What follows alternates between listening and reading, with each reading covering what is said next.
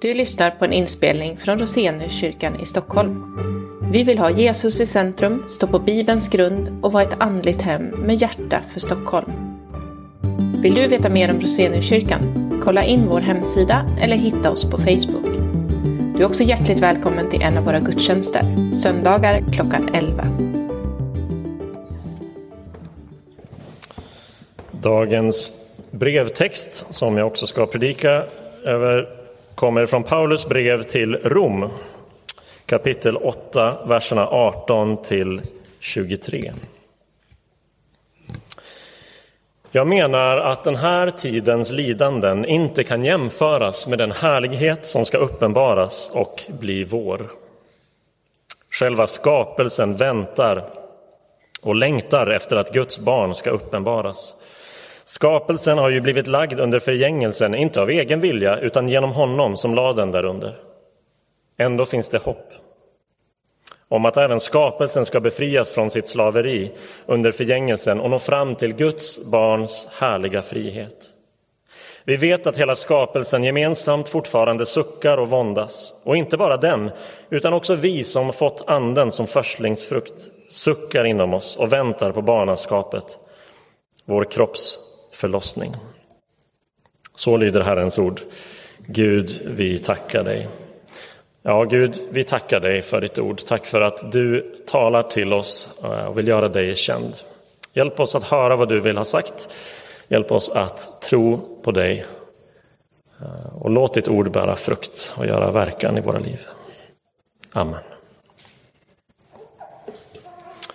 Staden Rom upphör aldrig att fascinera. Om du har varit där och gått runt på dess gator så vet du att det är svårt att förbli oberörd när man, när man minst anar det, runt varje gathörn nästan, eh, slås av de ståtliga och vackra resterna av imperiet.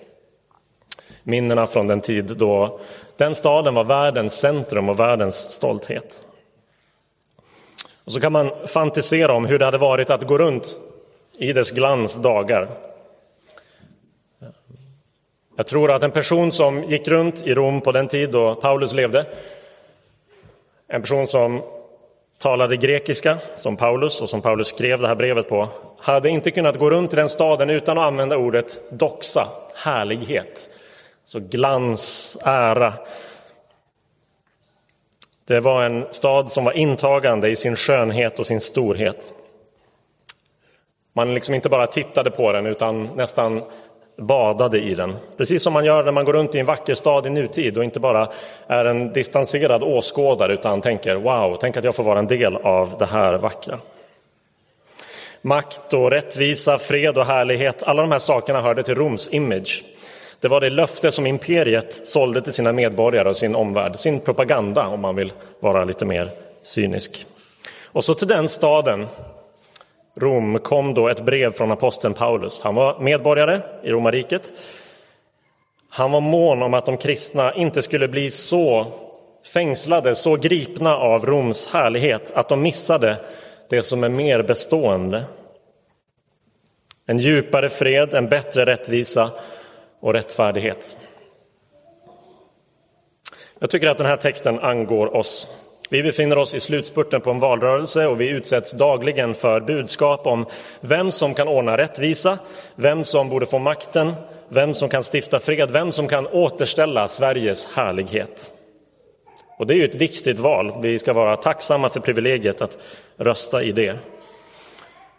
Och samtidigt kan man inte undgå att kastas mellan kanske övertro på att allt blir bra om bara rätt parti vinner, eller misstro, de är alla likadana,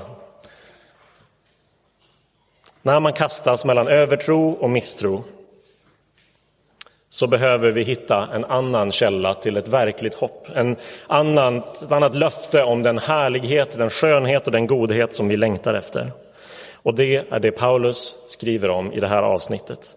Det talar ärligt om lidandet som vi möter här och nu. Det talar ljuvligt om den härlighet som väntar. Och det talar sant om hoppet som vi äger. Så först att tala ärligt om lidandet. Paulus skriver att hela skapelsen har blivit lagd under förgängelsen. Han kallar det för den här tidens lidanden och han visste mycket väl vad han pratar om. Paulus mötte motstånd och fiendskap vart han än reste. Han led åtminstone periodvis av en svår sjukdom. Så när han skriver att vi människor i den här världen, i våra liv, suckar, så är det inte tomma ord. Det finns mycket som kan få oss att sucka. Vi känner det Paulus kallar förgängelsen. Gamla testamentets eh, filosofiska realistpredikaren, han är berömd för att säga förgängligt, förgängligt, allt är förgängligt. Alltså när vi ser omkring oss så känner vi av ett slags meningslöshet som fräter i allt liv under solen. Planer går i stöpet. Relationer fastnar i hjulspår som vi inte kommer ur. Våra kroppar är trasiga och bryts ner. En del av oss kämpar med tankemönster som trots terapi och medicin inte vill släppa taget utan lägger sig som en våt filt över hela vår, hela vår blick på världen. Så vi suckar. Det här lidandet är verkligt.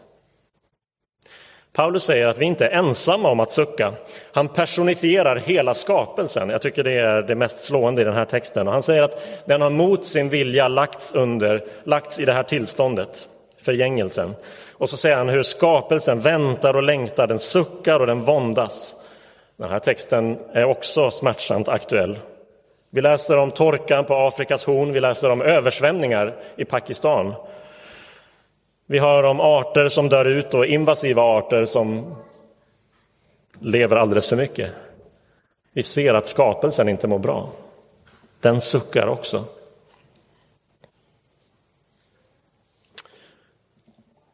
Människans synd har liksom dragit med sig skapelsen i fallet och, och vår synd och vår själviskhet fortsätter att förstöra den socialt, materiellt, ekologiskt men djupast sett också andligt därför att vi lever i Guds värld som om den vore vår egen. Det är roten till problemet. Men syftet med att räkna upp de här sakerna är inte att få oss att må dåligt. Tvärtom tror jag att det finns en befrielse i att tala ärligt om livets svårigheter, om lidandet vi möter. Åtminstone när det kombineras med hopp. En kristen behöver inte låtsas vara lyckligare än han eller hon är. Om det finns någonting mer så kan vi vara ärliga. Om här och nu är allt vi har, ja men då gäller det att klistra på leendet och gilla läget. Men i Jesus erbjuds vi hopp om något bättre. Vi kan ha en befriande ärlighet i att allt är inte bra. Lidandet är verkligt, men det är tillfälligt.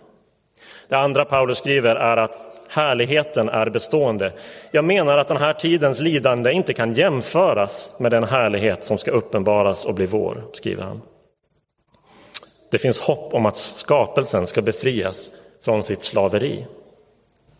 Ja, slutvisionen i Bibeln är en återställd skapelse, en nyskapad himmel och jord, allting som nytt igen.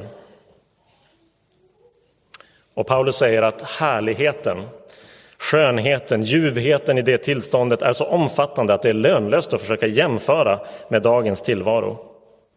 Det är något vi inte bara ska få se, det är någonting som ska bli vårt. Den erbjuds oss att dela i med hela vår varelse. Paulus kallar den för vår kroppsförlossning eller vår kroppsbefrielse. Alltså.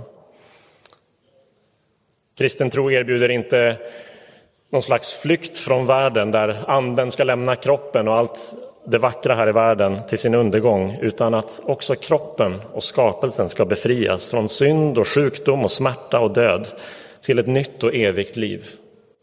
Inte bara en lång utdragen existens utan en livskvalitet som vi hittills aldrig har upplevt. Och precis som han gjorde när han beskrev lidandet så talar Paulus här om hur hela skapelsen längtar efter det.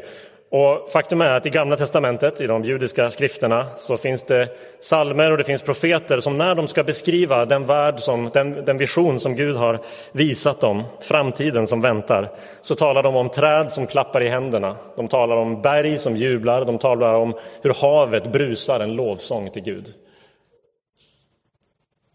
Jag vet inte hur det där ser ut exakt, men jag blir rörd när jag tänker på träd som klappar i händerna. Det blir något att uppleva. När hela skapelsen befrias från sin frustration, från sin förgängelse, från sitt förfall. Så vad känner du när du hör det? Känner du längtan? Det hoppas jag. Känner du tveksamhet eller misstro? Det förstår jag. Det är lätt att bli cynisk och tänka ah, det där låter faktiskt ändå lite för bra för att vara sant. Det där måste vara önsketänkande. Fast nyckelordet är inte önsketänkande utan hopp. Det är det som genomsyrar det här avsnittet och det tredje vi ska stanna inför. Hoppet som är knutet till Jesus. Du och jag kan ju hoppas på saker. Kan hoppas på att vinna högsta vinsten eller vinna en persons kärlek eller vad det nu må vara. Om vi hoppas eller inte, det gör inte så stor skillnad för hur det verkligen blir. Men det som står i vers 20, att det finns hopp om skapelsen, handlar inte om att vi människor hoppas. Nej, om man kikar i, i eh, den grekiska grundtexten ser man att det hopp som Paulus talar om är Guds hopp. Hoppet som Gud hade när Gud la skapelsen under förgängelse. Guds hopp tenderar att slå in. För Gud har makt att genomföra det han hoppas på. Och så står det att skapelsen hoppas och längtar efter att Guds barn ska uppenbaras eller bli synliga. Varför är det så? Varför väntar träden och bergen och havet och floderna på att få se vilka som är Guds barn? Det låter ändå lite konstigt. Men det har att göra med den plats i skapelsen som Gud gav oss människor från början. Det var inte skapelsen, naturen, ekosystemen som valde att läggas under förgängelsen. Det var en konsekvens av människornas val och vilja att söka autonomi, självständighet ifrån Gud, från sin skapare. Den engelske väckelsepredikanten George Whitfield han säger så här i en predikan. Vet du varför en hund skäller argt på dig? Det är för att han vet att du har ett problem med hans skapare. Jag vet inte om det är sant, men det är en rolig tanke att när hundar eller andra djur ryter på oss så är det för att de tänker du är en av dem som vänder Gud ryggen och det är därför vi lider som vi gör. För Adams och Evas val drog med sig hela skapelsen, men på samma sätt ska Jesus val återställa den. För Jesus valde att bli starten på en ny mänsklighet när Gud själv, Guds son, blev människa för vår skull kom till jorden, gick till Golgata kors och dog och uppstod i vårt ställe. Den nya mänskligheten som började i Jesus, Guds barn, det är hoppet för hela skapelsen. Precis som vi lider under Adams synd ska vi leva tack vare Jesu död och uppståndelse. Så det här hoppet är inte önsketänkande, för om Jesus verkligen dog och verkligen uppstod i historien, i tid och rum, så finns det en tillförlitlig vägvisare om framtidens riktning i Jesus Kristus som lämnade graven i seger. Som det går för människan, så går det för skapelsen. Det är Bibelns budskap. Vi hör samman. Vi föll tillsammans, vi lider tillsammans, vi suckar tillsammans, vi längtar tillsammans. Vi ska bli återställda tillsammans. Tack vare Jesus. Så lidandet är verkligt, men det är tillfälligt. Vi behöver inte leka, leva i förnekelse och påklistrad lycka. För härligheten som kommer är bestående. Det kommer en befrielse för vår själ, för vår kropp och för allt vi ser omkring oss. Hoppet är knutet till Jesus. Så när du frestas att sätta din tilltro till andra och annat eller när du frestas att helt kasta in handduken, vänd om till Jesus. När lidandet känns omöjligt att bära, fly till Jesus. När ledan över meningslösheten i livet kryper in under skinnet på dig, vila i Jesus. En dag ska vi bli fria. Vi ber.